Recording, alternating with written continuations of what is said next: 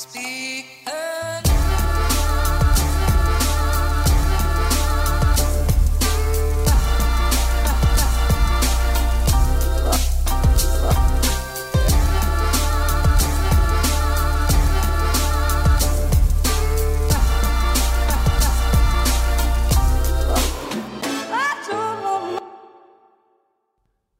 dag, og velkommen tilbake til Klagemuren. Mitt navn er Kevin Kildahl. Jeg, jeg har korona. Yes! Endelig! Endelig var det min tur. Jeg var um, Jeg var livredd for at jeg skulle gå gjennom hele pandemien her uten å få det. For jeg tror at in the end så tror jeg det er de som ikke får det, som blir diskriminert i ettertid. Som er sånn her Å ja. Ja. Nei, du fikk ikke korona. Nei, jeg skjønner. Jeg, jeg forstår. Jeg forstår at du ikke fikk det. Mm. Ja, ja. Nei, jeg har ingen problemer med å forstå det. Du er jo ikke akkurat Du, du har jo ikke mye folk rundt deg. Nei. Du er litt alene, kanskje. Ikke går du ut så ofte heller. Nei, du bare Nei, det er klart da. Svartedauden, han rammer ikke de som ikke har sett folk på 100 år. Nei. Nei, nei. Nei, jeg skjønner. Jeg har ingen zombie, da. Sant? Det kommer til å bli jævlig uh, kjipt å være den som aldri fikk korona. Samtidig, jeg hadde jo forberedt meg på at jeg skulle være sånn her Ja, kanskje ikke jeg fikk korona, kanskje det er fordi at jeg ikke er et skittent svin? Hæ? Kanskje det er da? Kanskje at jeg vaska nevene før jeg putta det i kjeften min? Sant? Veldig artig. Vaska, vaska gjerne nevene før jeg putta det i munnen min, men, eh, men jeg har ikke noe problem med å spise diskorev. Sant? Det er mange sånne her, eh, mange sånne eh, hyklerske greier man måtte ha tatt stilling til opp gjennom pandemien. For jeg nekter å tro at eh, det ennå er er så jeg, jeg vet ikke hvor mange som ennå er sånn her Heia, jeg er her på Tinder fordi at jeg leter etter min kjære, men det blir etter pandemien. Ja, er det ennå sånn? Kari, 26. Venter du ennå til etter pandemien, eller er den interne klokka di begynt å raljere allerede såpass hardt at angsten har tatt det? Sant? Det, det Nei. Men nok om det. Uh, nok om, eller ikke nok om min korona, herregud, vi skal jo snakke masse om om det. Vi skal ikke snakke om krigen i Ukraina, det gidder jeg ikke. Jeg, jeg har eh, Jeg har eh, bare måttet ha tatt pause. Altså, når det, krigen brøt ut, og jeg for og gikk rundt på Sølvsuper, altså der er gamlehjemmet, der er vaktmester um, Og så bare drar jeg og trør rundt i gangene der og hører på alle som er så bekymra, og så Altså, flere av de husker andre verdenskrig, sant, og de, de vil ikke ha mer.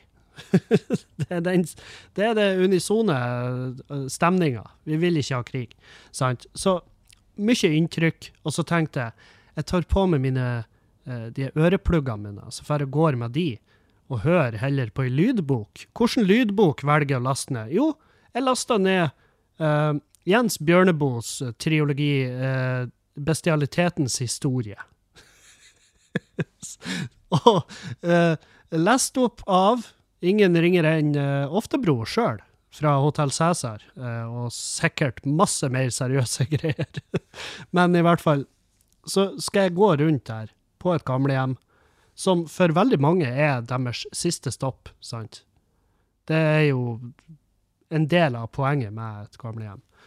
Og, og eh, så skal jeg gå der og se alle de her eh, kapitlene i de forskjellige livene som er i ferd med å lukkes, mens jeg hører på Jens Bjørneboe, eh, bestialitetens historie lefst opp av Oftebro, og det er krig rundt meg. Sant? Så jeg må fjerne noe av det her. Jeg er ferdig, jeg har, jeg har hørt ferdig bestialitetens historie, og eh, jeg har ikke gjort det tidligere.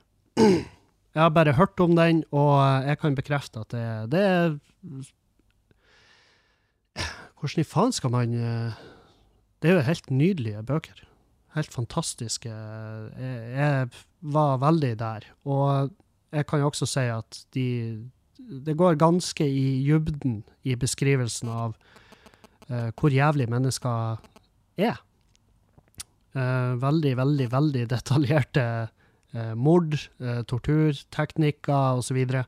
Som vekker jo det morbide i meg fullstendig. Men samtidig så er det måten det er skrevet på, gjør det får det jo Altså, når de, når de beskriver Litt sånn som Hannibal. Hvis dere har sett Hannibal-serien der han Mats Mikkelsen spiller Nei, ikke Mats Mikkelsen. Ja, hvem nå enn. Han spiller Hannibal, og måten han tilbereder et menneske ville gjort ethvert annet menneske sulten, bare å se på det. For det, det er så fantastisk beskrevet, det er kunst, sant? Og det er jo hele greia med de, eller i hvert fall en del av greia med de her bøkene, er jo at uh, han er bare en ordsmed. Jeg vet faen. Han bare får det til å høres helt nydelig ut. Du, du må sjekke det ut før du kan forstå det. Men jeg har måttet fjerne noe inntrykk, og da er krigen en av de, fordi at eh, jeg klarer ikke å forholde meg til det. Jeg klarer ikke å eh, følge med og se all den elendigheten. Eh, jeg holder meg oppdatert, selvfølgelig. Jeg vil ikke at det skal være sånn her at plutselig så Ja, nå skal vi tilbake til nyhetsverden, og så flipper jeg opp Mac-en, og så står det på VG russerne er i Oslo. Å, helvete! Jeg skulle kanskje ha fulgt litt bedre med enn det her. Ja, jeg følger litt med. Men jeg slutter å lese sakene. Jeg holder meg til overskrifter. Eh, Jeg ser på det situasjonskartet i Ukraina, og så ser jeg at ja, det, ja der vinner ukrainerne litt eh, grunn, og der får russerne litt i bytte. Så det er egentlig bare en løpende byttehandel, hele greia. Det er en basar, bare at uh, varene er sivile menneskeliv og uh, tomt i et land. Og jeg har, jeg har et søskenbarn som har hevet seg i bilen i lag med masse folk. Uh, ikke, han, ikke masse folk i hans bil, men det er masse folk som kjører forskjellige biler. For jeg tenkte For de kjørte nedover. De, de er ned, på tur nedover. Jeg tror de kommer fram der Polen grenser til Ukraina. Og så gjør de, gjør de humanitær eh, hjelp. Altså, de har med seg masse medisiner, ullpledd nå, skal jeg, nå skal jeg ramse opp alt jeg ville hatt med meg i en bil eh, til et sånt her område. Eh, jeg ville hatt ullpledd, medisiner, eh, og da mener jeg medisiner som eh, gjerne trengs i et sånt område. Det hadde vært jævlig dumt hvis jeg hadde møtt opp med minner, type medisiner. Bare, ja, det er krig i heimlandet og sånn, og dere fryser, og ja, jeg har noe med meg ullpledd og fleinsopp. Kan det hjelpe? Nei, det er litt tidlig. Ta da i traumebehandlinga seinere. Eh, nå har vi Nei, så jeg hadde tatt med meg medisiner som en lege hadde sendt meg. Eh, jeg vet ikke hvor, hvor lovligheten er i å ta med seg penicillin over landegrenser osv. Jeg, jeg vet ikke. Men jeg hadde sittet noen som har peiling på jobben, på akkurat det. Medisinansvarlig. Og så har jeg ullpledd, mat, på boks. Fordi jeg har sett nok film til å vite at skal det være ordentlig mat, så må det være på boks. Jeg hadde valgt å gå for all mat som er på sånn firkantige blikkbokser, fordi at eh, hvis du har de her eh, sirkulære, altså vanlige bokser det er masse, Hvis du tar tolv bokser i eska, så har du masse tapt plass der som kunne ha vært brukt. Det er bare en tanke som slo meg, fordi at det er sjølmedisinert. Men ja. Jeg hadde tatt med meg alt som trengs. og så lite folk som mulig, fordi at eh, det var tanken jeg gjorde med. Eh, oppdraget deres er å dra nedover med humanitær hjelp, og så ta med seg så mange eh, hjem som mulig. Og da er det jo dumt hvis man fyller bilen med folk, gode venner og familie, sant? Så de kjører jo ei kolonne, eh, og så kjører de ensomt. Så, eh, men de har jo, de snakker jo seg imellom, de stopper, har pauser i lag, men de har kjørt jævlig langt på kort tid. Og jeg heier på de, så selvfølgelig. Jeg, jeg merker at det er mange som, eh, mange som er negative til å jeg fatter ikke hvorfor de skal Det er klart, det ligger jo det her Fremmedfrykten ligger jo veldig i bunnen her. Eh, Det er veldig mange som frykter at vi skal få en flyktningkrise i Norge, noe vi mest sannsynlig får, eh, fordi at Ukraina er veldig nært. Men eh, det burde det burde vi vel se på etter vi har berga liv. Først berger vi liv, og så løser vi det. Sant? Eh, Jeg skjønner at eh, Jeg skjønner at folk vil ha eh, fart på mølla på det byråkratiske, men det blir ikke å skje. Så vi må først berge livene, få de, få de trygt, få de også gjerne kjapt i arbeid, sånn at de slipper å føle på ubrukeligheter, og at de skal sitte i to år og vente på at de får lov å jobbe. Sant? Og så jeg, tenker, jeg, jeg har bare medmenneskelighet. Jeg har allerede spurt Julianne om vi skal ta imot noen, men jeg, jeg er jo spent på hvem jeg ville ha plassert i det huset her. Du kan, altså, du kan ikke være veldig frynsete. For det første må det jo være um, helst en enslig person. Vi liker jo ikke unger, og det er ikke sånn at krig gjør at vi liker unger mer. Uh, vi syns jo selvfølgelig mest synd i de, fordi at det er de som er mest uskyldige. Men kunne vi ha tatt imot unger i huset? Jeg tviler. Jeg tror ikke, jeg tror ikke det har vært et hjem jeg ville ha plassert eh, et barn akkurat nå. nå er det eh, fire voksne mennesker som eh, prøver å finne ut av livet sitt, som får trø rundt i huset her. Jeg tror ikke det hadde vært, jeg tror ikke det hadde vært inspirasjon, den ungen, hvem nå en slags unge trenger. Men så kan du jo kjøre argumentet igjen at ja, men hva er alternativet til den uh, enslige mora av den ungen? Hva er alternativet for hvor de kan være? Hvis alternativet er å ligge i grøft, livredd, så tror jeg de hadde valgt det soverommet der, sjøl om du eh, eh, et flein fire ganger i året og røyker weed av og til. Jeg tror det, Kevin. ja. Uh, nok. Nok krig. Jeg skulle ikke prate om krig. Hvorfor havna jeg inn på det? Jo, fordi at det interesserer meg selvfølgelig, men jeg prøver å koble meg litt ut av det. For jeg merker at det slukte veldig mye av dagene mine, og eh, Ja, kjenner tegn til angst igjen, og eh, liker ikke det. Setter ikke helt pris på det. Så derfor prøver jeg å dytte litt unna og tenke at er ute av, ut av syne, ute av sinn. Og det kan være veldig, veldig eh, Hva skal jeg si Det kan virke veldig eh, usympatisk. Men jeg lover dere, jeg er fortsatt en sympatisk fyr. Om noe så er jeg vel kanskje litt for sympatisk. Og eh, vi er forberedt på å gjøre alt vi kan for å hjelpe. Men jeg kunne ikke ha kjørt nedover. Jeg tror ikke da.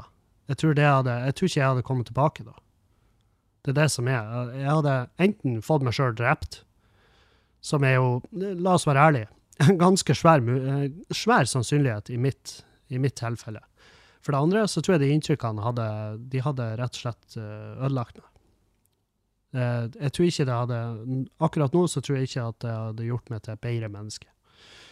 Fordi at jeg er i en fragile state sjøl, og jeg må tenke på da òg, oppi det her. Så derfor har jeg bytta ut krig med eh, TV. Begynte å se Marvelous Mrs. Maisel. Um, og jeg, jeg er vel på episode én ennå, og det ligger på Prime. Mener på Prime, ja. Og foreløpig veldig kul serie. Digger den. Um, og bare håper at det holder opp til førsteinntrykket.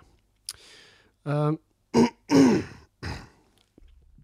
jeg blir jo jeg være nødt til å må uh, bare fikse halsen. For uh, nå har jeg vært sjuk siden helga, og eh, mandag-tirsdag Helvete! da var det fram med, fram med slimposen. Eh, Jeg har jo spara på den forrige posen etter sist jeg var sjuk i høst. Nei, jeg, jeg spanderte med en fette ny bærepose som jeg har papir og gugg i når jeg, ligger, når jeg er sofaliggende. Og all ære til de som kan røyse hver gang og gå på badet eller spytte i kjøkkenvasken og føle at det er deiligere. Men eh, jeg har ikke kjangs. Jeg var helt utslått. Og det var ikke noe, det var ikke noe energi i meg. Og det vil ikke si at det er nå heller. Jeg føler ikke det er energi i meg i det hele tatt nå.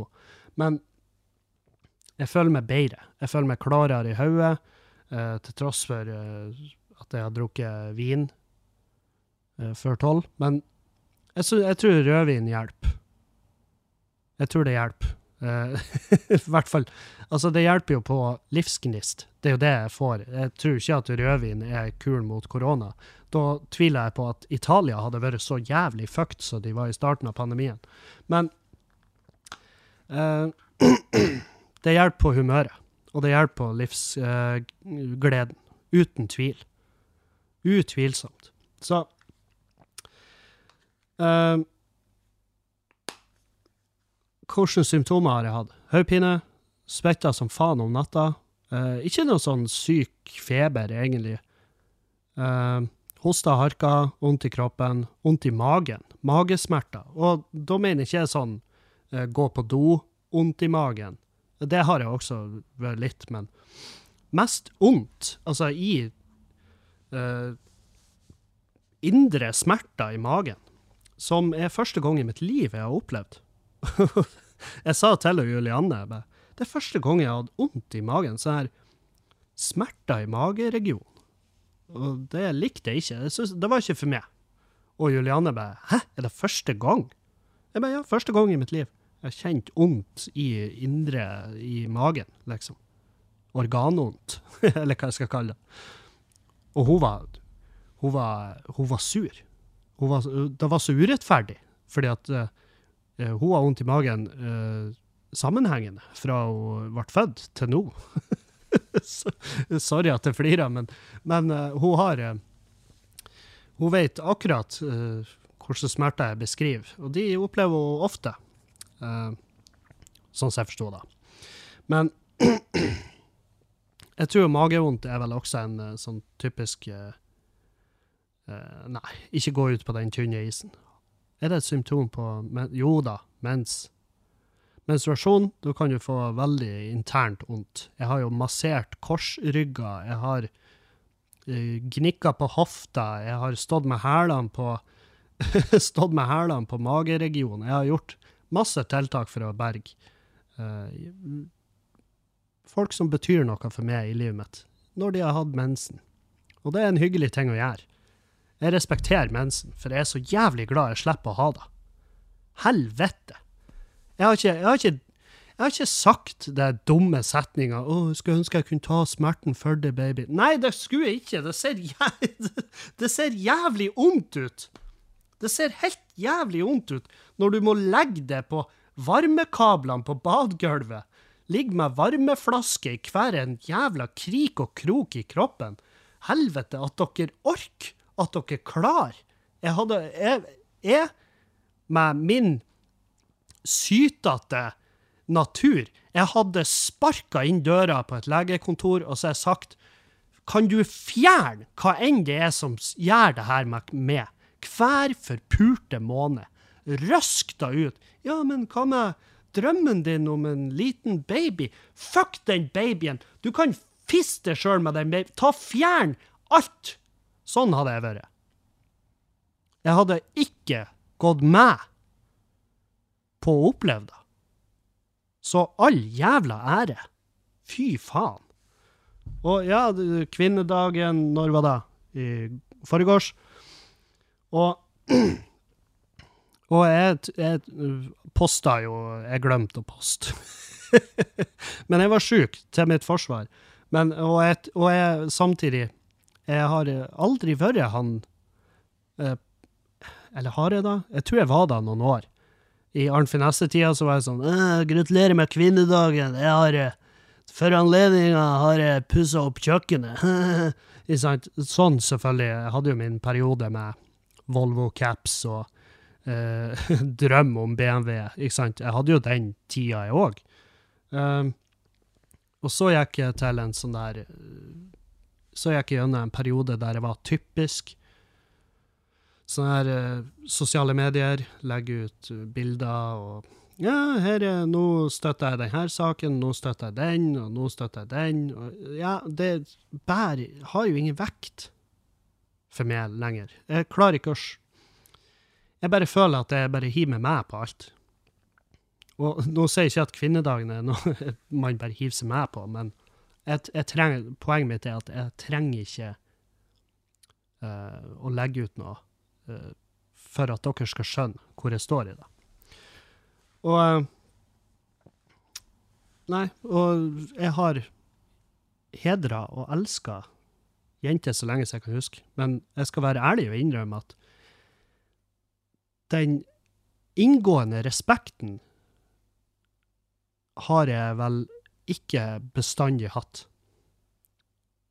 Skjønner? Jeg har eh, Altså, det her er meg som innrømmer Eller innrøm, det, det, er ikke noe innrøm. Men det her er meg som vokser opp i lag med dere. Jeg har gjort podkasten såpass lenge at personlighetsforandringer og til det bedre og til det verre eh, vil, vil dere eh, være med på. Enten dere vil eller ikke. Og altså, hvis dere ikke vil, så er det jo bare å ikke høre på podkast. Det er jo veldig greit. Jeg er jo fortsatt ute der hvor det er gratis og Gratis! Det er fortsatt gratis, den podkast, OK? Så um, Men poenget er at dere skal få lov å være med på alle forandringer. Og hvor mange år tilbake må vi for at jeg ikke hadde en særlig Altså, i hvert fall ikke utstråler en respekt for, for det, det motsatte kjønn. Sikkert åtte-ni år siden. Åtte. Da var det vel midt i det Arnt Finesse-gæren. Men jeg husker bare den tida, da, da hadde jeg bare et sånn Jeg hadde ikke et sånt syn at jeg så særlig nedsettende på jenter, egentlig. Jeg hadde jo stor respekt og veldig mange gode venner med som er Altså, de personene jeg har sett mest opp til, har jo ofte vært jenter. Um, men så var det også at jeg engasjerte meg ikke særlig i det jente, altså det likestilling og alt det her, fordi at jeg var sånn eh, det, jeg, var han, jeg var han fyren som var sånn eh, Det angår ikke meg, jeg har kuk. ikke sant? Men da er du bare likegyldig, og da, du, og da blir du veldig fort oppfatta som at du egentlig er imot. Og jeg vil ikke at likegyldig og være imot skal være det samme. Fordi at uh, grunnen til at jeg ikke engasjerer meg så mye i forskjellige saker, spesielt eksempel den, er jo at jeg ikke har tida. Jeg bare vet hvor altoppslukende ting kan bli for meg. For jeg går Altså, jeg går ikke halvveis inn i noe. Det er 100% eller nada. Og det er så jævlig irriterende. For jeg skulle ønske at jeg kunne ha litt baller i lufta der og litt der. Uh, men ikke 14 svære prosjekt samtidig. Sant? Så det, og det er derfor samme Det kan trekkes paralleller til da med den krigen i Ukraina, hvorfor jeg måtte dytte ifra meg litt. Fordi at jeg har brukt tre timer på å sette meg inn i hva Azov-bataljonen er for noe. Som Jeg skal ikke gå noe særlig inn på det, men jeg kan forsikre dere om at jeg ikke er Team Kari Jakkesson. Jeg bare lurte på hva det var, og jeg har satt meg inn i det, og jeg er ferdig med det. Uh, men jeg skal ikke bruke tid på det, for det er bare elendighet. Det er jævelskap. Det er horribelt faenskap. Det foregår rundt oss overalt. Uansett hvor vi snur oss. Selvfølgelig blir vi eh, Selvfølgelig er det en depresjonsbølge som raser inn over hele jævla verden. Jeg, altså, hadde jeg vært psykolog nå, jeg hadde faen meg Enten så har jeg hatt fette Jeg hadde hatt angst, angst sjøl. Slutta i yrket og bare begynt på Jeg vet faen, Post Nord. Ikke sant? Eller Eller så hadde jeg tenkt penger. Bare å, dæven. Jeg blir ikke arbeidsledig med det første. Og det blir du gjerne ikke hvis du er psykolog. Uh, du blir neppe arbeidsledig med det første, med mindre du er en av de som er lista som en av de psykologene som fingrer pasientene sine. Sant? Men fordi at uh, psykisk helse det kuttes i psykisk helsevern, samtidig som vi går inn i den største bølgen av psykisk sykdom noensinne. Det, det er ikke bare det er ikke, det er ikke bare varsla, det er allerede bevisst. Folk er, folk er mørke. Og det skal jeg prøve å ikke være, sjøl om jeg har korona. Uh, ja da. Men jeg er jo vaksinert tre runder, og jeg har jo vært sjuk hele uka. Og eh, ble sjuk jeg, jeg, Når jeg tenker tilbake, så hosta jeg en del på, på lørdag, når jeg var i Oslo. Og eh, har jo mest sannsynlig smitta utrolig mange. Utrolig mange mennesker. Eh, hvis jeg skal anslå, så står sikkert jeg bak og har smitta 100. Og det beklager jeg. ja, jeg kan ikke gjøre noe annet enn å beklage. Men eh, vi er kommet til et punkt i, i pandemien der folk er sånn jeg, 'Jeg har korona'. 'Hva gjør du ute?' 'Jeg har ikke hatt feber. Det er fire dager', og så videre. Ja, OK. Ja, nei, greit. Jeg kan jo selvfølgelig ikke dra på jobb på Sølvsuper, på et gamlehjem, for der er folk som dauer hvis de Altså, hvis de, hvis de åpner øynene for fort. Sant? Så der er uaktuelt å dra. Jeg skal ikke Jeg skal ikke kunne pekes på og si Og så sier de 'Du er grunnen til at den personen ikke lenger er her'. Så bare, ah, ja, OK. Takk. Det tar jeg med meg til lunsj, uh, uten, uten å tenke på det. Sant? Jeg skal ikke risikere å havne der. I det hele tatt. Men jeg begynte å merke det på Jeg merka det på lørdag. Eh, søndag, når vi reiste hjem, så sa jeg til og Julianne på flyet, så sa jeg ja, jeg har korona. Det her er This is it, baby. Og hun bare Er det? Jeg bare Ja, det, det må det være, ass. Og uh, svigermor kom og henta oss, og så kjørte vi hjem. Og uh, jeg tok en test, og den var jo positiv etter de første fire sekundene. Altså, det var, det var en så jævlig positiv test at jeg var stolt. Jeg var faktisk litt sånn hm, ja, når Kevin først gjør det, så er det faen ikke noe halvveis. Det er ikke noe, det er ikke noe å ta bilde med Zoom og bare 'Å, ser dere streken?' Nei, her var det faen meg de mest to definitive strekene jeg har sett i mitt liv. Om jeg får se det sjøl. Ikke for å skryte, men det er kun for å skryte. Det er kun for å skryte. Men ja, positiv. Feira da litt, var glad, og så mobba vi jo Julianne, for hun er den eneste i husstanden her som ikke har hatt det ennå. Og vi har jo Hvor mange ganger har vi ikke sagt det? Hun har jo garantert hatt det. Hun jobber i daglig, dagligvare. Uh, hun er nydelig, uh, som vil si at Gjennom hele pandemien så har folk stått og hyperventilert og kikka på henne. Så uh, at hun ikke skulle hatt korona, det nekter jeg å tro. Å tro da. Men kanskje hun er en av de som er immun. Og da ble det litt sånn «Åh, helvete, må vi holde hemmelig da, hvis hun er immun? Fordi at eh, jeg har sett nok film til å vite at hvis du er immun, dæven, da ligger du syltynt an. For da skal statene ha det, og skal de hakke det i biter, og så skal de fordele det eh, utover de, to de tolv provinsene i landet. Um, der, eh, der måtte jeg stoppe opptaket, rett og slett fordi at eh, jeg holdt på å drepe meg sjøl med en kopp kaffe. Tar med én slurk, og så eh, med varm og deilig kaffe fra bønder i byen, tror jeg. Og så køller bare hele den slurken rett i ranghalsen. Rett ned i lungene, bare. Vær så god, folkens, kom dere på jobb. Og det gjorde de. Så nå har jeg hatt et ganske aggressivt hosteanfall, og så har jeg også måttet uh, tørka av gulvet litt. Men uh, det er sånt som skjer i kulissene på en sånn høyproduksjonspodkast som det her. Uh, hvor var jeg? Hva var jeg snakka om før jeg fikk anfall? Ja. Uh, mye att og fram her nå. Men uh, blame it on the red wine. Um, så vi ga, har gitt Juliane piss, selvfølgelig, fordi at vi har begynt. Vi har begynt å øve oss på diskriminering av de som aldri fikk korona. Og så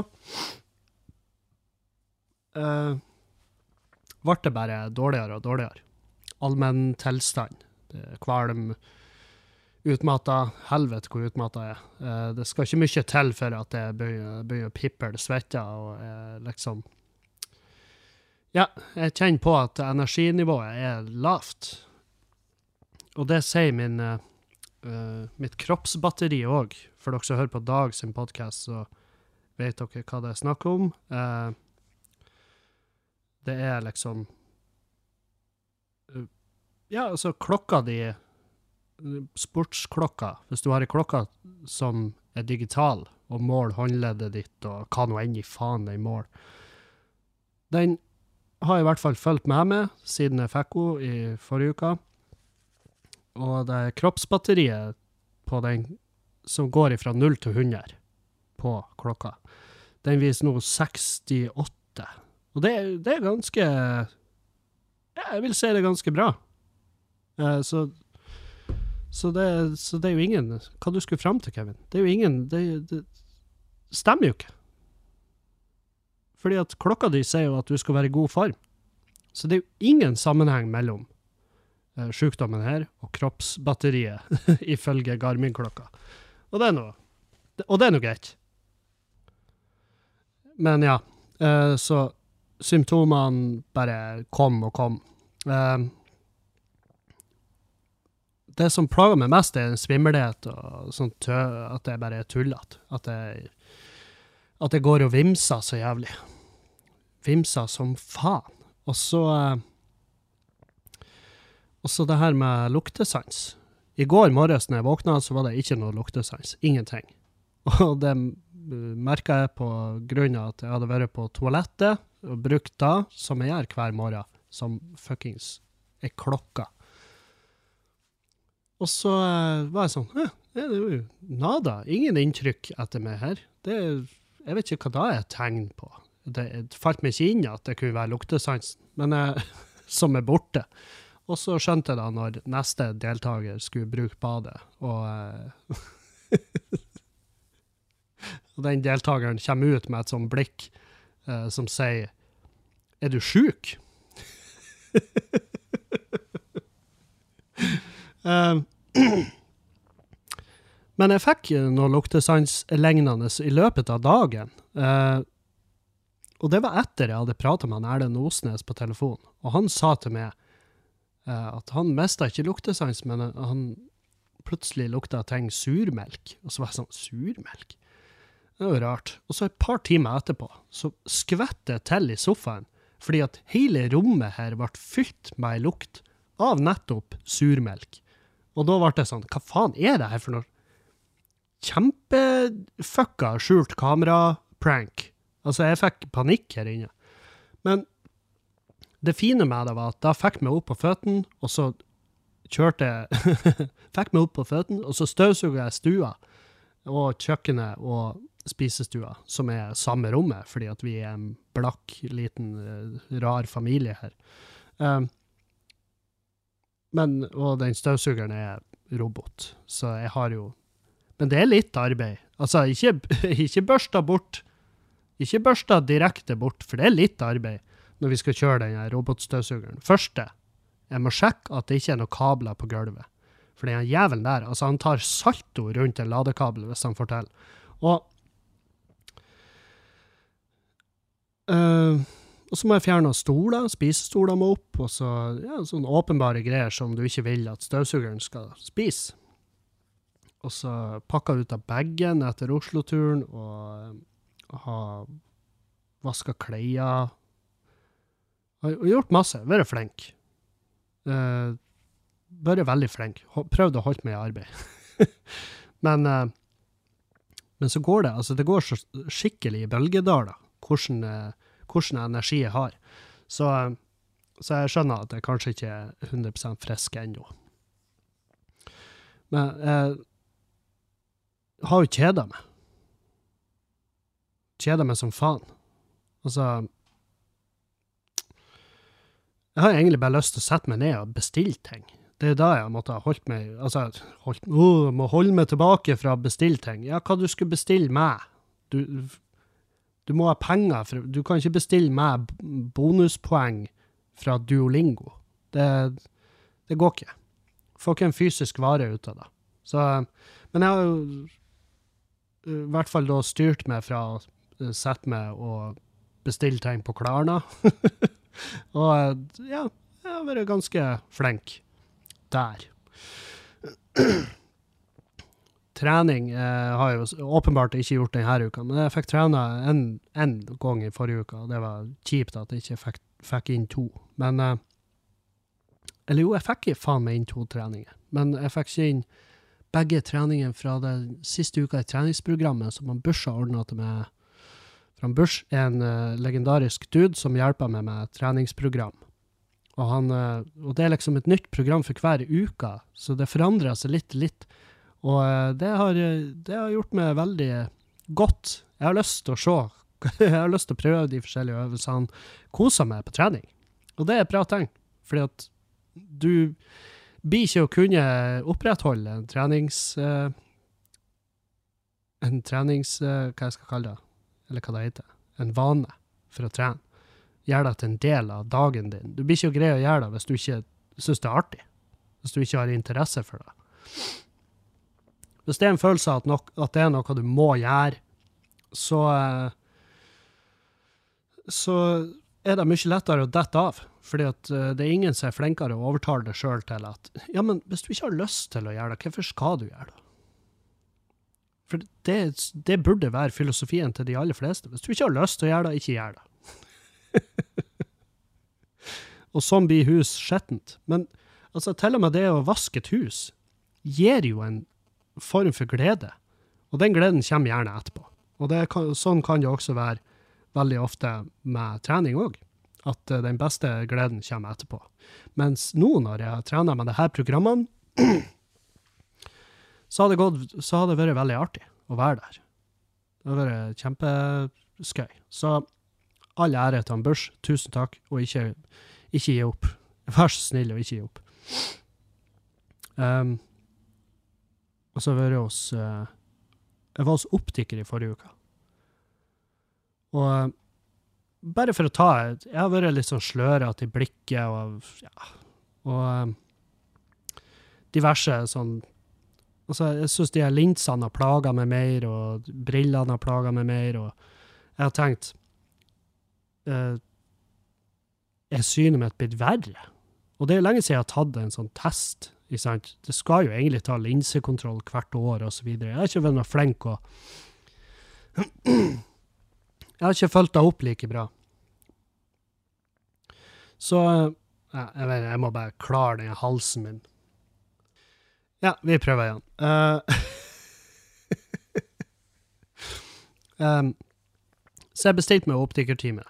Uh, prøvde meg hos en annen optiker, og det er ikke noe, er ikke noe piss til min uh, forrige optiker. Det er bare at uh, eh, fruen hadde en optiker nede i byen som har eksistert i 400 år, eller noe sånt. Lenger enn øya har eksistert, og briller. Så jeg vet ikke hva han drev med for 400 år siden. Men eh, Bestilt time der. K. Hansen optikk heter det. Der kom det. Uh, og så kommer jeg inn, og han fyren som er i en jobb som optiker, som jeg tror er en av de jobbene som ikke finnes om 30 år. Han var veldig ung.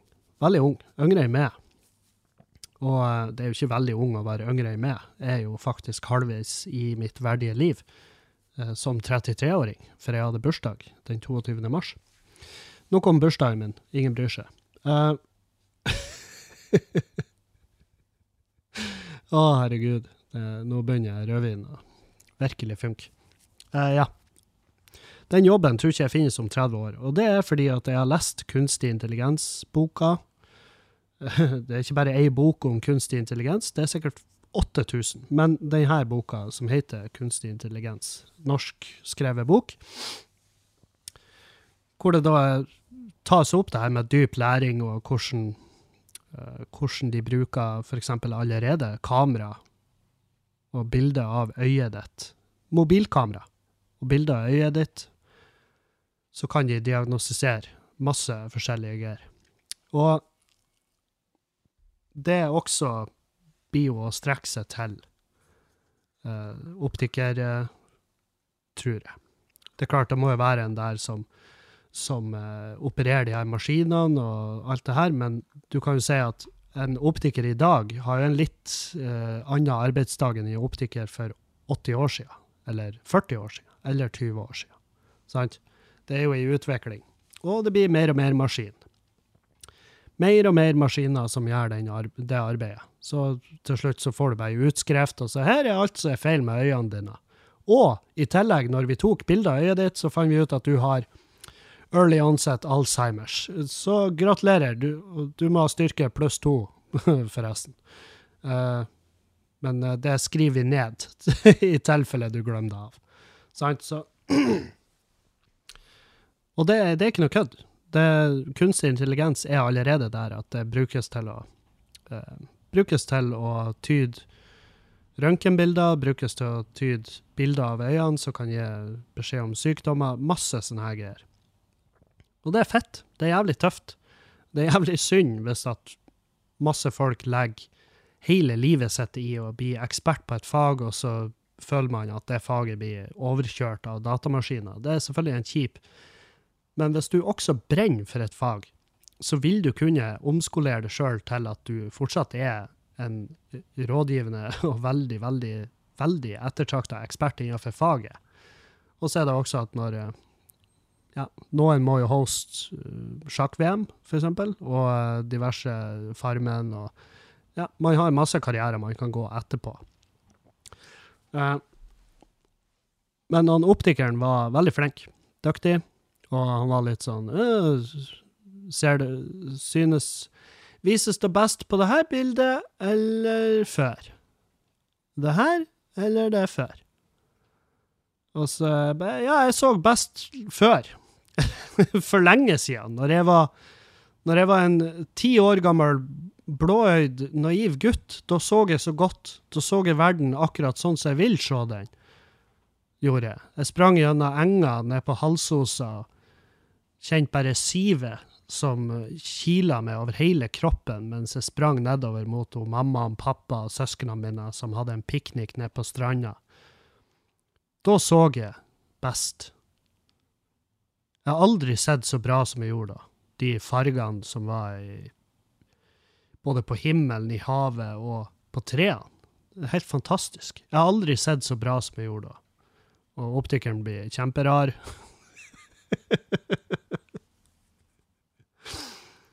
og eh, ja, så vi, etter hvert så har vi kjørt den eh, testen ferdig, etter mye om og men, og han for, forklarte meg at parametrene er Han viste meg to bilder, og så ville han bare vite hvilken av de ser best. Og jeg bare OK, ja, da, da er vi i gang. Han, fant, eh, han kom fram til at jeg har vært feil. Eh, overkorrigert lenge, og eh, det forklarer jo en del. Så nå bruker jeg ikke linser eller briller. Og han har bestilt én linse, for jeg skal tydeligvis bare ha én linse på det ene øyet. Og ikke noe mer. Og den linsen skal være minus 0,25, som er faen meg nada. Det, det er altså så lite. Og så sa jeg, ja, men når jeg tar på meg de her brillene med minus 0,75, så ser jeg jo bedre på avstand. Og han bare, ja, det vil de fleste gjøre. Og så, jeg skjønner ikke øya, og jeg fatter det ikke. Så, så ja. Men jeg stoler på han, for han er foreløpig den beste fagmannen innenfor det feltet som jeg har tilgjengelig. På K. Hansen optikk akkurat den dagen klokka 11. Så ja. Men alt det her, når jeg begynte å sløre i blikket og Altså, jeg er jo fett, jeg er jo hypokonder. Det er nettopp Altså, jeg, jeg prata så vidt med han Dag om, om det nå i helga når vi var i Oslo, og han òg er jo selverklært hypokonder, og jeg har begynt å innse at det er det jeg òg er. Jeg tror, altså Siden hun mamma daua, siden hun mamma tok sitt siste åndedrag, så har jeg faen meg hatt kreft fem ganger i uka. Altså, det har vært Jeg har vært så daudsjuk og sengeliggende og krisemaksimerende. Jeg har forret inn jeg, har, jeg vet ikke hvor mange ganger jeg har kjørt prate, smile, løfte på meg sjøl. For eksempel når jeg lukta surmelk i går. Til og med etter at han Erlend har fortalt meg at å, når jeg hadde korona, så lukta jeg surmelk, og så skjer det samme med meg bare timer etterpå, som sikkert er placebo eller eh, Jeg har ikke peiling, men uansett. Og så drar jeg ikke koblinga til Dan Erlend har fortalt meg to timer tidligere, som er veldig, veldig overensstemmende med den diagnosen jeg faktisk har, korona. så tenker jeg heller faen, jeg har slag. Er det ikke da? Er det ikke Er det, er det rista brød, eller er det surmelk de lukter? Det De kan eh, Jeg vet ikke. De kan melde om uh, lukta brent, er det ikke det? Jo. Men jeg tenkte, jeg har faen meg slag, jeg, og jeg gikk foran speilet og prater, smiler, løfter med meg sjøl. Som er jo ikke en dum vane, det er jo en grei, jo en grei regel å huske. Og eh, Men så er det jo litt eh, Det varierer jo hvor eh, tilstedeværende du er hvis du blir ramma av et slag. Men du vil jo helst være så fungerende som mulig, sånn at du kan ordne det sjøl hjelp. Men Nei, jeg må, jeg må faktisk eh, besøke det der at det er så jævla hypokonder. For jeg, veldig mye av tida så tror jeg Altså, det skal ikke mye til for at jeg bli skeptisk for symptomer som jeg sjøl viser. Og det kan være symptomer på at 'hei, jeg vil på dass', eller uh, 'jeg har vondt i hodet'. 'Å, vondt i hodet'? Ja, hjerneblødning. Tvert. Og det er sånn, det er ikke noe Det er jo ikke artig i lengden. Og så er det jo slitsomt for de rundt deg òg, hvis du er sånn 'jeg tror faen meg jeg har kreft'. Og Juliane er sånn å ja, kreft, ja. Hvor nå? Hvor du har kreft nå?' Nei, jeg vet faen. Nå er det tarmen, tror jeg. Tarmen. Ja, det er nok tarmen. Så det, det Man blir jo gutten som roper ulv. Hæ? Ja. Å, Kevin, så flink du er, å dra den parallellen. Men jeg vet faen. Det, det er vel eh, på tide å begynne å roe ned litt. Ikke vær så jævla hypokonder. Men hvordan kommer man seg ut av det?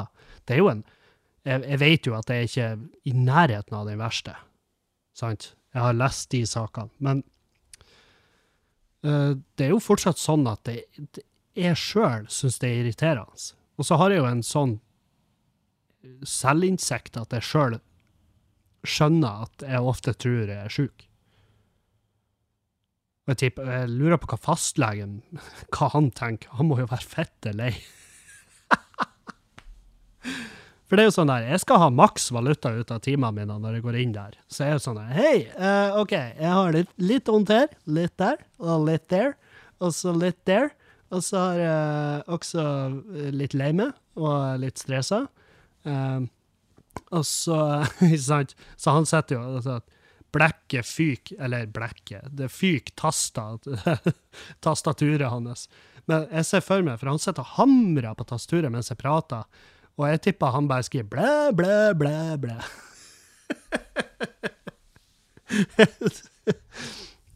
det er den eh, det er den feelingen jeg har, men jeg tror jo at legen min tar meg seriøst, for han er en bra dude. Men jeg tror også han, han må jo ha gjort seg tanken at herregud, han fyren her, helvete for en angst, eh, for, for, en, for en diagnose i seg sjøl. Bare det å sitte i lag med han fyren her, er jo en diagnose. Det finnes garantert medisiner eh, som, som legen kunne skrevet ut til seg sjøl, som han kunne tatt med god samvittighet når han skal ha en time med meg. Så bare, ja, skal vi høre hva det speiler han i dag? Jesus Christ. Bare len dere tilbake. Hei, Kevin. Stig på. Ja, jeg har 14 studenter her. Eh, håper det er greit, eh, fordi at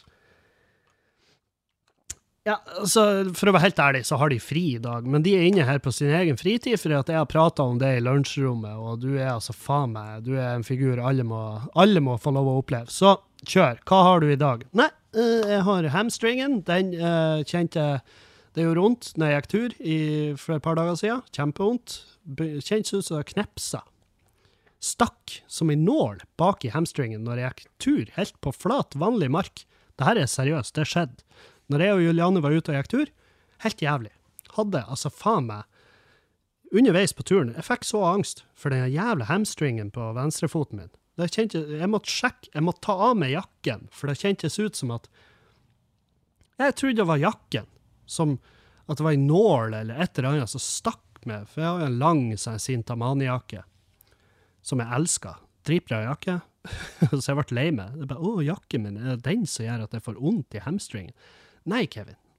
Det er mest sannsynlig noe i hodet ditt. Fordi at det er ingen Jeg kjente ingenting dagen etter. Eh, det gikk fint når vi kom hjem, men hele turen ble rasert av den jævla rare smerten jeg mana fram i hamstringen. Så ja. eh, jeg ser for meg at eh, han legen må synes det er litt artig. Men det er jo, hvis jeg sier jeg har vondt her, så tar han der, og så spør han de spørsmålene som Kontrollspørsmålene en lege sikkert stiller når man har vondt der. Så han tar meg, jeg, jeg føler han tar meg seriøst, men han må jo tenke sitt. Helvete.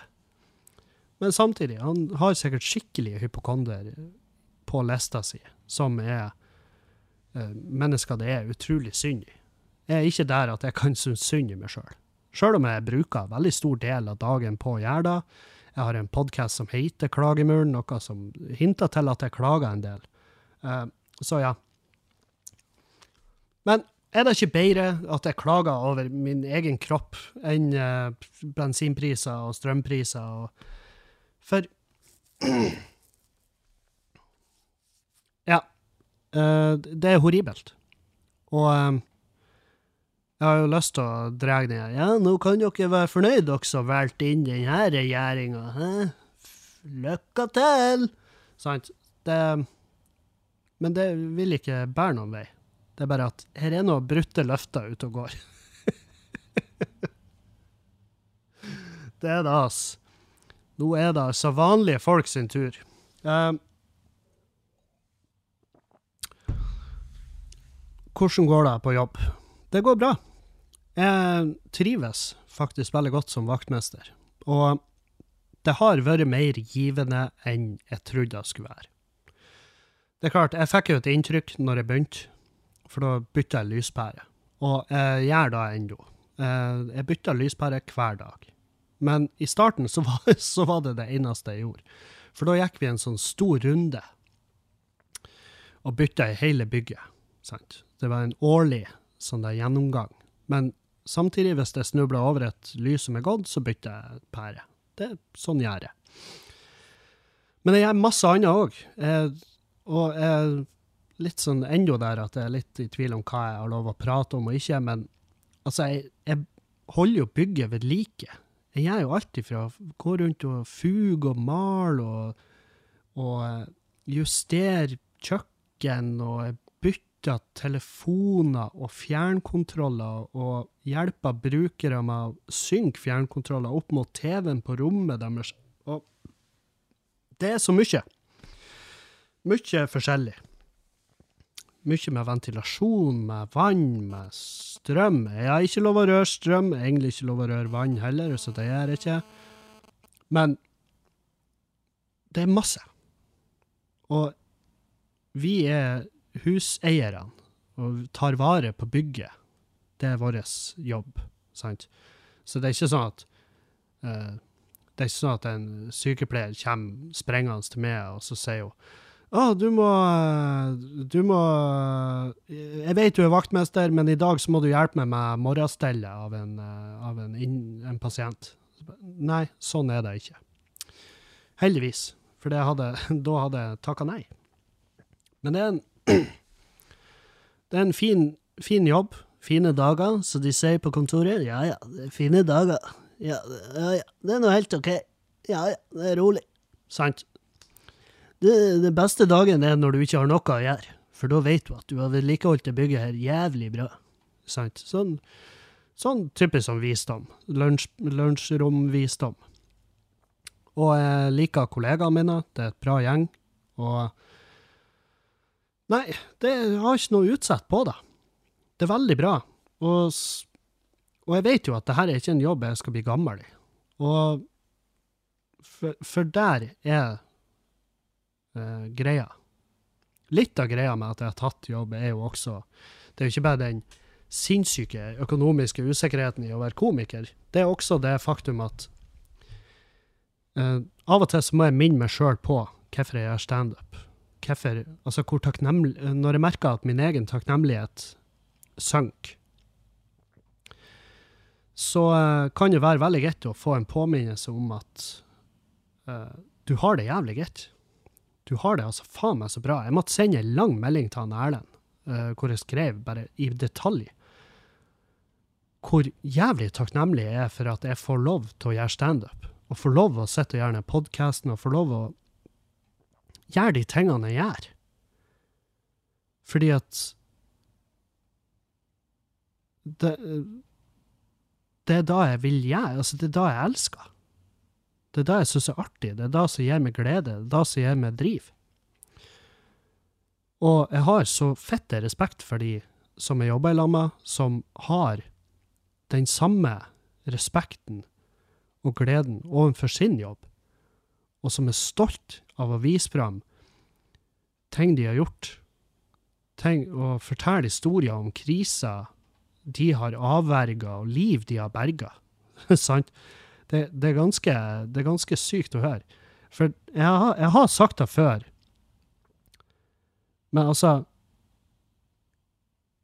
Jeg hører Jeg kan høre i fire timer på en truckfører som elsker jobben sin, kontra å høre en halvtime med uinspirert prat ifra en uh, fra Leger uten grenser. Sant? Fordi at det, det som er sjarmerende, det som er sexy, og det som er artig, og det som er spennende, det er folk som brenner for noe. Folk som liker det de gjør.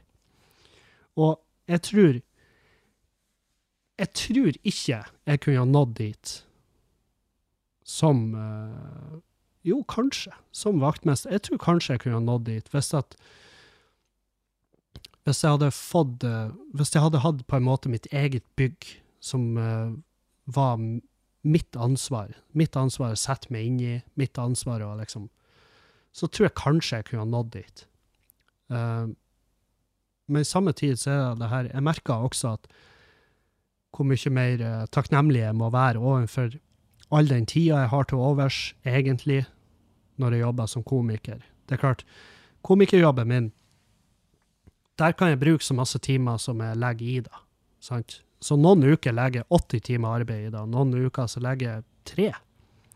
Sant? Det varierer veldig.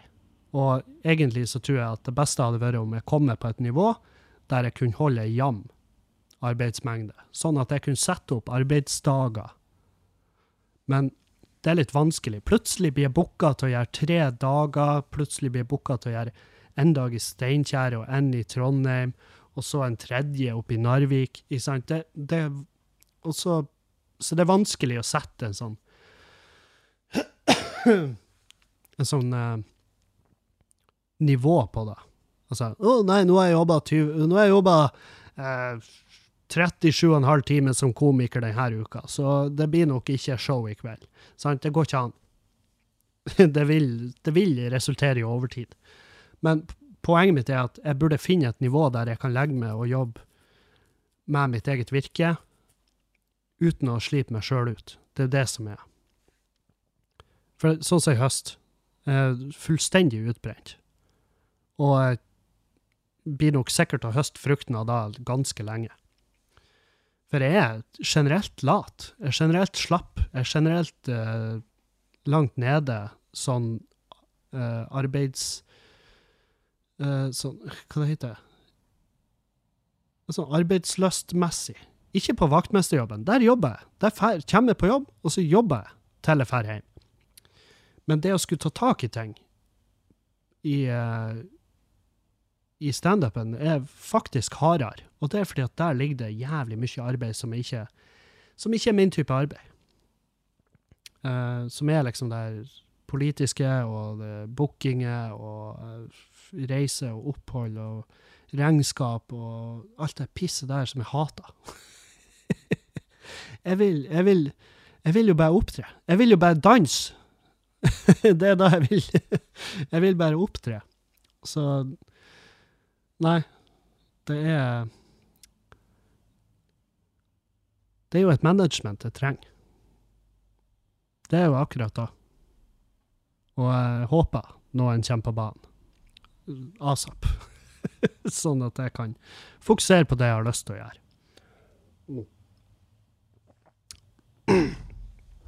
Og standup, det gjorde jeg i helga. To ganger. Um, jeg, har, jeg tok med meg Julianne, Og så reiste vi ned til Aslo på eh, fredag. Og det var etter jobb. Jeg var liksom på jobb hele dagen, og for hjem, dusja og spiste, og så um, pakka i full fart. Og så var det bare å få svigermor til å kjøre oss på flyplassen. Og Jeg skal bare ta av meg genseren. Begynte å svette noe alvorlig. Um, så vi stikker nedover til Oslo, og vi lander klokka sju. Ti over sju, ish. Og showet jeg skulle delta på først, det var klokka åtte på Njø scene. Og det var det her 20 år i bransjen-greiene til en dag. Eh, kan du leve av dette, eller ja, noe sånt. Og eh, det var jo en ekstrem Det var en stor ære å bli invitert på Dag sitt uh, 20-årsjubileum for å opptre. Det setter Ja, det setter ganske høyt. Og det tok meg altså et millisekund å svare ja på det. Um, men vi hadde jo dårlig tid, så jeg hadde tvunget Julianne, og, og hun var så flink. Jeg sa vi kommer til å ha dårlig tid når vi kommer til Oslo. Vi kommer til å ha dritdårlig tid. Så eh, vi må pakke lett. Vi må helst ikke ha innsjekka bagasje. Og det er mye lettere for meg enn det er for hun. Fordi at hun har x antall remedier som eh, helst skulle vært sjekka inn. Og så har hun også gjerne lyst til å pakke med seg mer klær, og, og det har jeg òg. Det må jeg ærlig innrømme. Jeg er blitt veldig forfengelig, og jeg liker den prosessen som er å Gjerne å stå på hotellrommet før jeg skal bortover til venue, og velge ut hva jeg skal ha på meg. Jeg er blitt- uh, fyr som bryr seg sånn halvveis, og ja, jeg ser ironien i at det at det går sånn som det gjør med diett og trening videre, men uh, Og så sier jeg samtidig at jeg bryr meg så masse, men jeg gjør det. Uh, men vi har ikke muligheten. Sant? Så jeg sa til henne vi, vi kommer til å ha jævla dårlig tid, så det blir bam, bam, bare av flyet, på toget. Vi kan dra på hotellet med skitten vår, men det er fordi at vi må. Vi kan ikke dra bære på Jeg har jo den her ryggsekkbagen min, sant? Eh, og den Jeg kan ikke dra trø med den på byen, sant? Etter show. så, så kan ikke jeg dra ned på byen med den sekken på ryggen, for da ser du ut som en ja, du ser ut som noen som blir å drar opp et automatvåpen av den bagen i løpet av et hvor som helst arrangement. Og så Sant? Og den er tung å bære på. Jeg, var, jeg ville ha den av meg. Så vi Vi for rett fra flytoget, sjekka inn på The Hub. Uh, ja, Booka The Hub. Når fruen er med, så, så eh, jeg har lyst til å skjemme henne ut litt. Inn på The Hub. Hiver ifra oss. Jeg bytta T-skjorta, for den forrige var faen meg kondemnert etter turen. Um, og så stikker vi opp på nye. Og da er klokka ti over Ja, når vi er framme der, så er jo ti over åtte. Så showet har vara i ti minutter. Vi har drukket. Vi har drukket på flyplassen i Bodø, vi har drukket på flyet nedover. Og eh, jeg kjenner det allerede. Dag har jo åpen bar til oss som skal stå, som er jo veldig trivelig, og livsfarlig. Jeg går løs i baren der, og, og jeg, jeg syns showet var fint, det. Det var flott. Det var god stemning, og det var liksom til publikummet. Det var Dag sitt publikum. Uh, så jeg var jo ikke redd for materialet mitt, liksom. det, skal, det skal godt gjøres å gå på scenen eh, med Dag sitt publikum i salen, og så er de sånn Nei, vet du, det der det syns ikke du skal josse om. Sant? Det, det slipper du. Du slipper det pisset der. Men Så vi gjorde det showet. Ferdig. God stemning. Veldig, veldig god stemning. Så drar vi ned på uh, Salt, og der er det da Late Night med Karsten Blomvik. Uh, bare at Bare at han Karsten Blomvik er ikke på scenen fordi at han Karsten har fått uh, Han har datt på sykkel og fått en uh, kraftig hjernerystelse. Jeg prata med han i går, og han er fortsatt dårlig. Han er sjukmeldt ut hele denne uka. Så jævlig hjernerystelse. Og det her skjedde i forrige uke. Så han har Jeg skrev bare til han at jeg håper vi får Jeg håper vi får den Karsten vi kjenner, tilbake. Uh, usikker på hvor, hvor mye humor han egentlig hadde på det. Det må jeg sjekke opp. Jeg tar en mental note der. Følg opp Karsten. Uh, men i hvert fall, han hadde hjernerystelse, så han kunne ikke opptre. Han hadde da, uh, i siste liten, hevet ansvaret over på sin kompanjong Mohammed Bassefer. Og så hadde også booka Abu og han andre som heter Mayo. Uh, han hadde booka Abu og Mayo til å sitte i en sofa på sida av scenen, og så skulle han, talkshow-hosten, også sitte på en egen stol på andre sida på scenen mens man gjorde standup. Og så skulle man sette seg ned og bli intervjua, og så spille litt ball med de guttene i sofaen. Uh, og det funka ikke litt engang. Det var altså faen meg Jeg lover dere. Det er, og det her har jeg sagt, det, det kommer ikke lett. Men det her har rulla seg inn på førsteplass over jævlige ting jeg har vært med på på scenen. det er faen meg helt sjukt. Det var så fette kaos.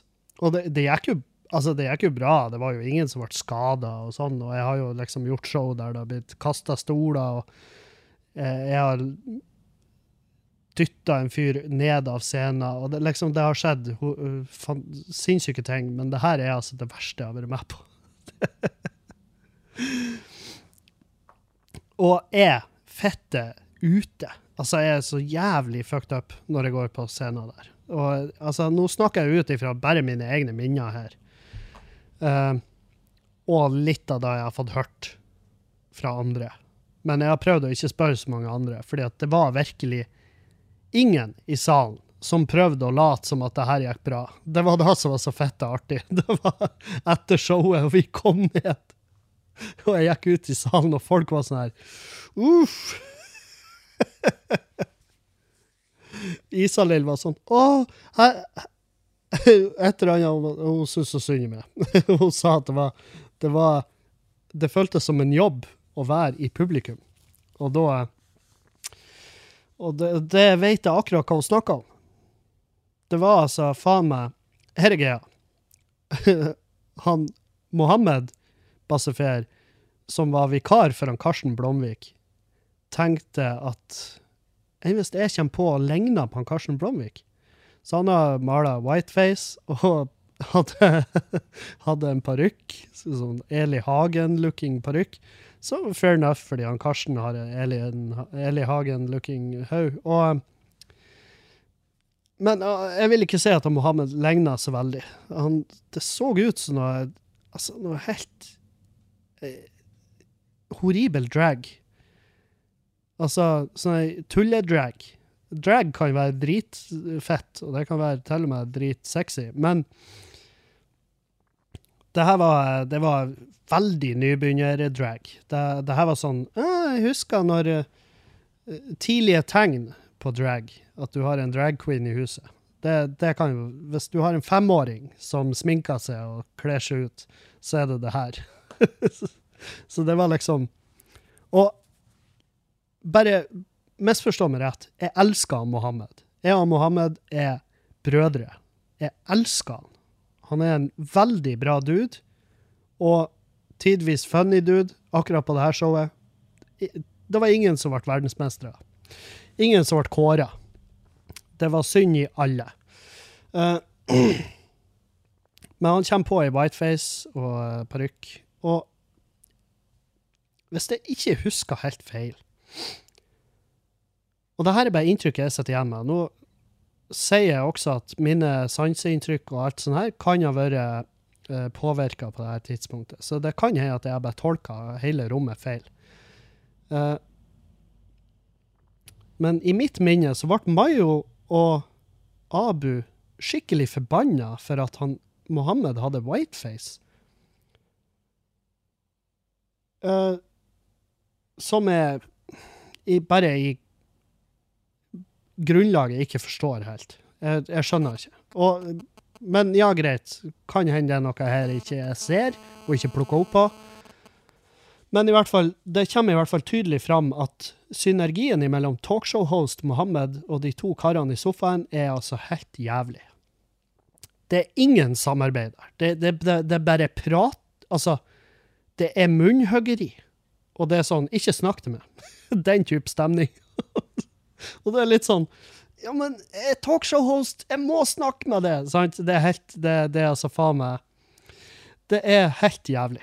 Og så er det liksom komikere på innimellom der, og så skal talkshow-hosten uh, intervjue de og spille ball med de. Og det er bare ingenting som funker. Det er bare helt jævlig. Og det her er sånn som skjer. Det her er Poenget mitt er at det her er, det er sånn som av og til skjer. Av og til så er ikke ideene så jævlig gode, og uh, ting ikke funker. Og én ting skal Mohammed ha. Dæven, han sto faen meg i det. For jeg tenkte wow, jeg hadde forlatt scenen for lenge siden. Jeg hadde ikke takla det.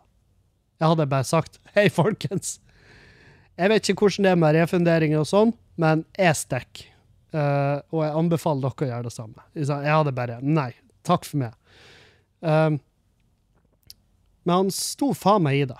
Og det, det gikk jo helt opp Altså De som var oppe og gjorde standup Etter rapporten som jeg har fått i ettertid, så gikk det helt OK. Jeg hadde misforstått oppgaven. Jeg trodde at jeg skulle være rusa. Uh, men jeg skulle snakke om rus, og det fikk jeg høre når jeg liksom Like før jeg skulle på. At uh, Ja, så jeg er spent på å høre hva du har å si om rus. Jeg bare Hæ, si om rus? Jeg har tenkt å prate om Ukraina. Og de bare Nei, nei, du har temaet rus. Jeg bare Å, fett, da. Ja. Uh, så, så da måtte jeg dra opp ei historie, og så uh, funka ikke den så bra, og så satte jeg meg ned. Og så skulle jeg bli intervjua, og det her husker jeg ikke, men uh, jeg har fått det fortalt at jeg ble intervjua etterpå. Og da eh, hadde Mohammed uh, spurt meg ut om det at jeg er biseksuell. Og så hadde jeg Ja, ja, det stemmer da. Og han bare ja, hvordan har det vært? Hvordan har du følt Hvordan har du et eller annet spørsmål om hva, er det, hva, er det, mest uh, Hvor mye ubehag har du opplevd pga. at du er biseksuell? Så jeg bare, Ingenting. Nada. Jeg føler meg veldig privilegert, og uh, føler meg veldig heldig som har vært Ja, som har sluppet unna. og ja, han bare Ja, men hva er det mest ubehagelige du har opplevd med å være biseksuell? Og så sa jeg bare Det her!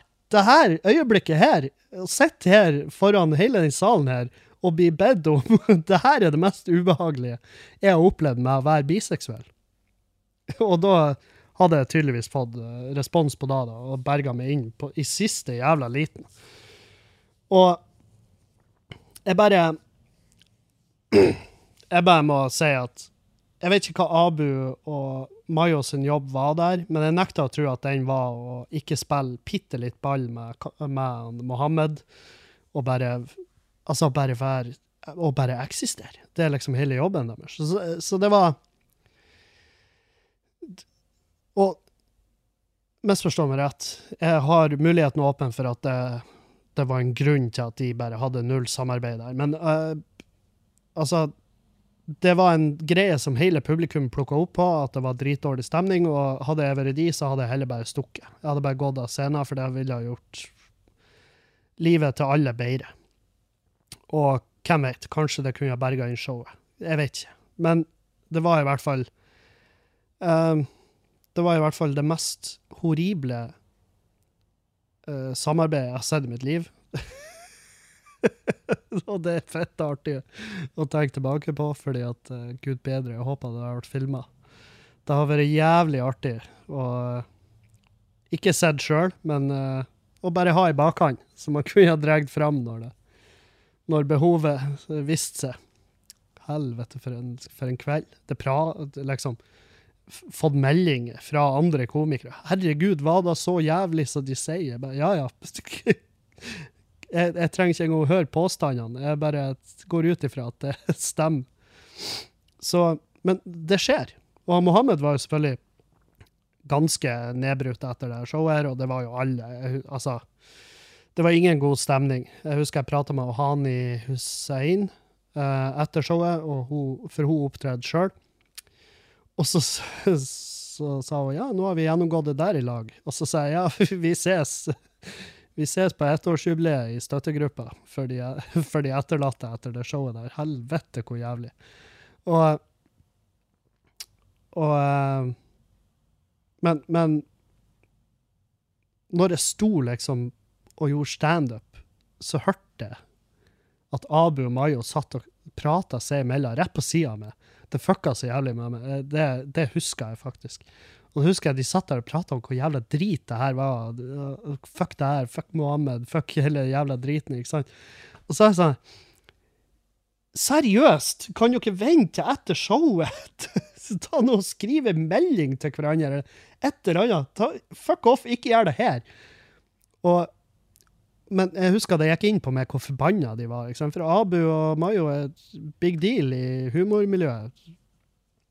Og eh, det er selvfølgelig jævlig kjipt at to sånne karer liksom bare syns, at det var så drit, og så åpenbart syns det var så drit, og at de ikke bare forlot eller takka nei på forhånd, eller hjalp til å spørre og hva- er rammene her? Hva skal vi egentlig gjøre? Hvordan kan vi gjøre det her showet bedre?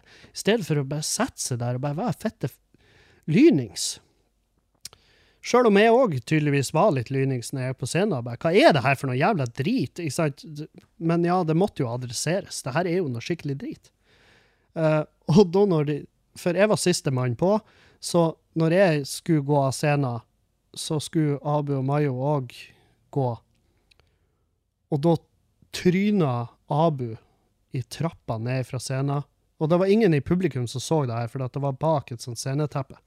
Men jeg gikk altså rett bak han, og jeg var 100% sikker på at han Million Dollar Baby hadde som faen der. For at, altså Og det også kan være legemiddelfremheva, mitt inntrykk av hvor dramatisk det her var, men det så altså så jævlig vondt ut når han trappetoga ned der.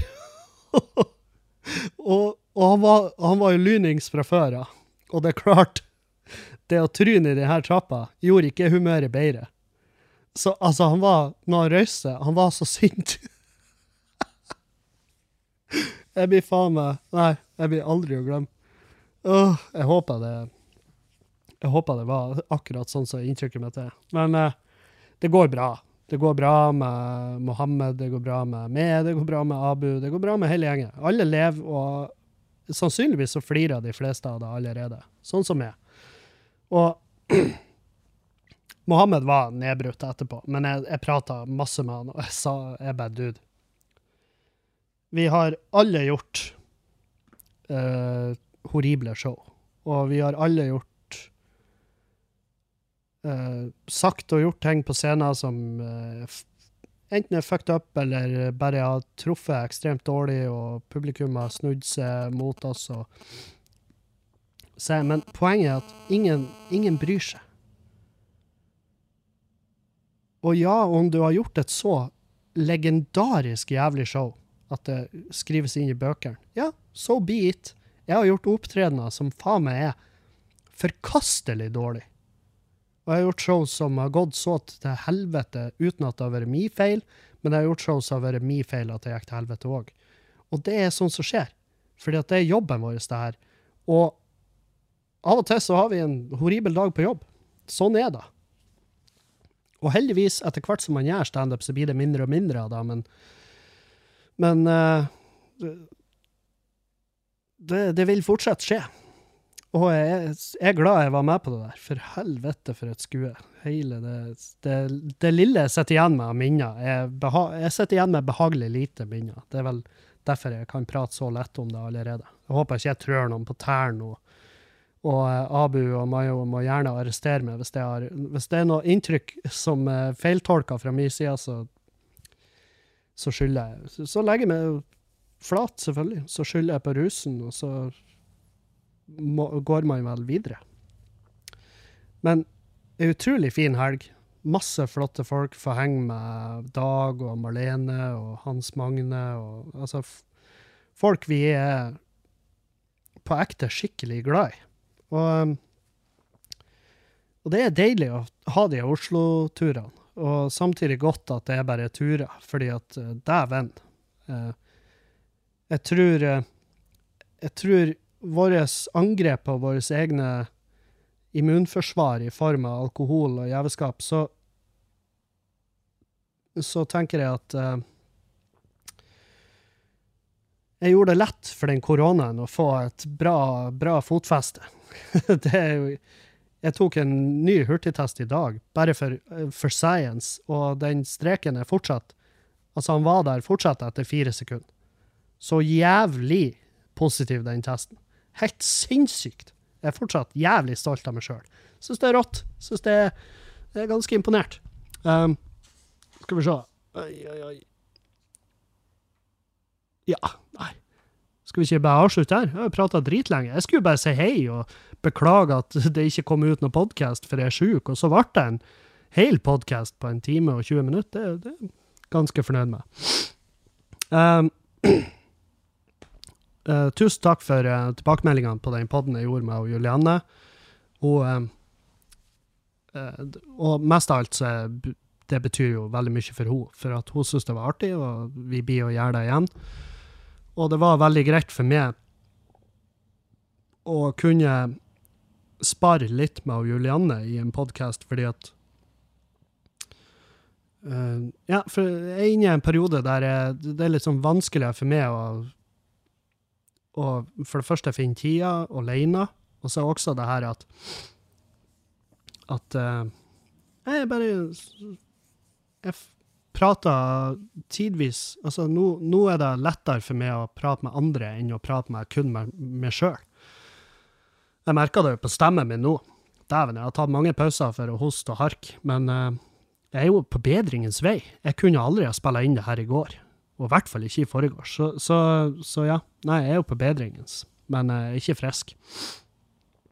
Så uh, får vi se om uh, ikke dere får en uh, dere som er på Patrion, får en ny pod med meg og Julianne og med han Dan. Vi har ikke gitt opp Verna bedrift. Det er bare han Dan. Han er kommet i skikkelig i gang i sin nye jobb, og det er dritfett. Og jeg tror han koser seg veldig der, så vi skal prate om Selvfølgelig om da. Og det er jo Dans historie å fortelle. Du kan ikke ta den fra han, Kevin. Nei, det skal ikke jeg gjøre. Uh, tusen takk til dere som har hørt gjennom det her medisinske det her, det uh, podkasten, og dere har sikkert prøvd å identifisere hva det er slags uh, i, i, ja, i lag med podden og en kopi av felleskatalogen i fanget, så, så kan dere jo under.